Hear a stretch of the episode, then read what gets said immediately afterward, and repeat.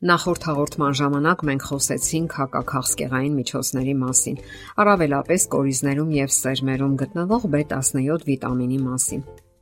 Այսօր խոսենք մեկ այլ սննդամթերքի մասին, որը նույնպես համարվում է հակաքաղցկեղային։ Դա բոլորիս քաչ հայտնի սովորական հնդկաձավարն է։ Դոկտոր Վուլֆ Լասկինը աշխատել է քաղցկեղագիտության օնկոլոգիայի բնագավառում ավելի քան 30 տարի։ Բազմաթիվ փաստագրական վկայություններ կան այն մասին, որ այն մարդիկ, ովքեր հետևել են նրա խորհուրդներին, լիովին բուժվել են քաղցկեղի ամենաբարդ տեսակներից իրենց տարբեր փուլերում։ Այդ մեթոդը նույնպես հիմնված է սննդակարգի փոփոխության վրա։ Ընդ որում այդ սննդակարգը մաքրում է անոթները եւ կանխարգելում աթերոսկլերոզի, ինֆարկտի եւ ինսուլտի զարգացումը։ Իր գրած գրքում դոկտոր Լասկինը մանրակրկիտ բացահայտում է P53-ի կվարցետին ֆլավոնոիդի կարևորությունը քաղցկեղի բուժման մեջ։ Եվ այսպես դոկտոր Լասկինը մեծ ուշադրություն է դարձնում հիվանդի հոգեբանական տրամադրվածությանը։ Նա ձևակերպում է նաև ճիշտ սննդակարգի 5 կետեր։ Սննդակարգի մեջ ներառել ավելի շատ հում մթերքներ, նվազագույնի հասցնել սննդամթերքի ջերմային մշակումը, բացառել պահածոյացված մթերքները, ներառել սննդային բջջանյութ, օգտագործել մաքուր ջուր։ Ավելի ուշ նա գալիս է այն հետևության, որ հարկավոր է անցնել սպիտակուցի ցածր պարունակությամբ սննդակարգի, նվազագույնի հասցնել միսը եւ յուղոտ սնունդը, կերակուրը ծամել 25-ից 30 անգամ։ Հարկավոր է դադարեցնել նաեւ իմունիտետը քայքայող սովորությունները, սթրեսը, գործնականում բոլոր քիմիական դեղամիջոցները, ծխելը եւ ալկոհոլային խմիչքները։ Հարկավոր է զբաղվել ֆիզիկական վարժություններով Օգտագործել այնպիսի սննդամթերքներ, որոնք նպաստում են իմունիտետի ամրապնդմանը եւ ունեն հակաքաղցկեղային ազդեցություն։ Կարմիր գազար, կանաչ սող, ավելուկ, ծիրան, հապալաս, ալոե, մասուր եւ այլն։ Սակայն նա առանձնահատուկ խորհուրդ է տալիս օգտագործել հնդկաձավար կամ որ նույնն է գրեչկա եւ մասուր, որոնք պարունակում են ֆլավոնոիդներ՝ կվարցետին, գենիստեին, անեգինին, լյուտեոլին։ Սրանք ապահովում են քաղցկեղի ցանկացած տարատեսակների ընկճումը ուռուցքի զարգացման բոլոր փուլերում։ Ի հաշիվ համալիր վերականգնման, որին մասնակցում է եւ ակտիվ դեր ունի P53 գենը։ Բժիշկը խորհուրդ է տալիս 1 ամիս շարունակ ուտել հնդկաձավար, այն համակցելով վիտամիններ պարունակող մթերքների հետ, առաջին հերթին A եւ C, ինչպես նաեւ հանքանյութեր։ Ասենք որ կվարցետինը, որը հայտնաբերվել է գիտնականների կողմից միայն 20-րդ դարի վերջում, գտնվում է նաեւ չռաֆինացված չագանակագույն բրնձի, այլ ոչ թե սպիտակի մեջ։ Այդ մասին գրել է նաեւ ճապոնացի նշանավոր գիտնական Ժորժ Օզավան։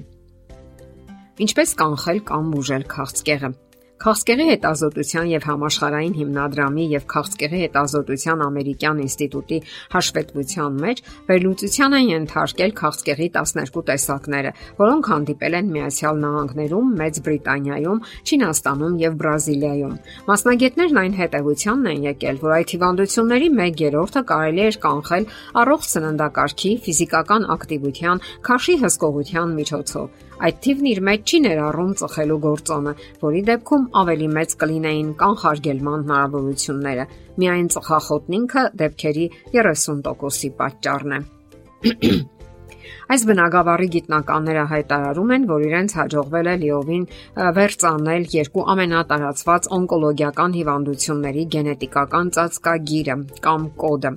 Իսկ ամենատարածվածները թոքերի եւ մաշկի քաղցկեղն է։ Եվ ահա Welcome Trust հիմնադրամի ներկայացուցիչների խոսքով այդ հայտնագործությունը կարող է հեղափոխություն առաջացնել քաղցկեղային հիվանդությունների կանխարգելման եւ բուժման գործում։ Գիտնականները մելանոմայի, մաշկի քաղցկեղի բջջի ԴՆԹ-ի մեջ հայտնաբերել են գենետիկական ծածկագրի կամ կոդի ավելի քան 30000 սխալ։ Ընդ որում գործնականում նրանք բոլորն էլ առաջ են եկել արևի ճառագայթների չափազանց ուժեղ ազդեցություն ազդեցությունից։ Նկատենք, որ ուժեղ ճառագայթահարում սովորաբար դիտվում է ժամը 11-ից 17-ի սահմաններում։ Իսկ թոքերի քաղցկեղի ԴՆԹ-ից սխալների թիվը 23000 էր։ Ճնշող մեծամասնությամբ դրանք առաջացել էին ծխախոտի ծխի ազդեցությամբ։ Գիտնականները սրանից այն հետևությանն էին եկել, որ յուրաքանչյուր 15 ծխախոտին բաժին է ընկնում գենետիկական կոդի 1 խախտում։ Սակայն իրավիճակը կարելի է փրկել թողնելով ծխելը, քանի որ վնասված մուտացիայի ենթարկված բջիջները ժամանակի ընթացքում փոխարինվում են նորերով։ Ինչ կարելի ասել ալկոհոլի մասին։ Ահա քաղցկեղի առաջացման եւս մեկ հզոր գործոն եւ ընդ որում գնալով ավելի ու ավելի հաճախացման գործոն՝ բերանի խորոչի եւ կոկորտի քաղցկեղ։ Այն ախտահարում է 40 տարեկանին մոտ տղամարդկանց եւ կանանց։ Վիճակագրությունը հաստատում է, որ վերջին տասնամյակներում 25%-ով ավելացել են շրթունքների, լեզվի, քիմքի եւ կոկորտի քաղցկեղի հիվանդության դեպքերը։ Իսկ հիմնական խումբը 40-ից 50 տարեկան մարդիկ են։ Նմանատիպ ախտահարվածության պատճառներից մեկը գիտնականները համարում են մարդու օրաբաժնում բանջարեղենի եւ մրգերի բացակայությունը կամ պակասը։ Գիտնական Դոն Շենկերը գրում է. Մարդիկ նույնիսկ չեն պատկերացնում, թե ինչ սերտ կապ գոյություն ունի ալկոհոլի եւ քաղցկեղային հիվանդությունների միջև։ Լյարդի հիվանդությունների հիմնական պատճառը ալկոհոլն է, սակայն ավելի ու ավելի շատ մարդիկ են այսօր հիվանդանում այդ կախվածության պատճառով։ Եվ այսպես, ինչ հետևություններ կարելի է անել։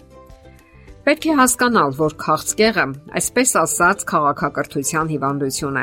Սխալ սննդակարգի, ֆիզիկական վարժությունների բացակայության, ծխախոտի, ալկոհոլի, որովհետև քաղցկեղային ուռուցքներ չէին առաջանում այն ժամանակ, երբ օծն ու բնությունը այս աստիճանի աղտոտված չէին եւ մարդիկ սնվում էին բնական ու ճիշտ սննդակարգով։ Դե ի՞նչ, ընտրությունը մերն է։ Լինենք խելամիտ եւ ողջամիտ եւ պահպանենք մեր առողջությունը։ Եթերում առողջ ապրելակերպ հաղորդաշարն է։ Հարցերի եւ առաջարկությունների համար զանգահարել 033 87 87 87 հեռախոսահամարով։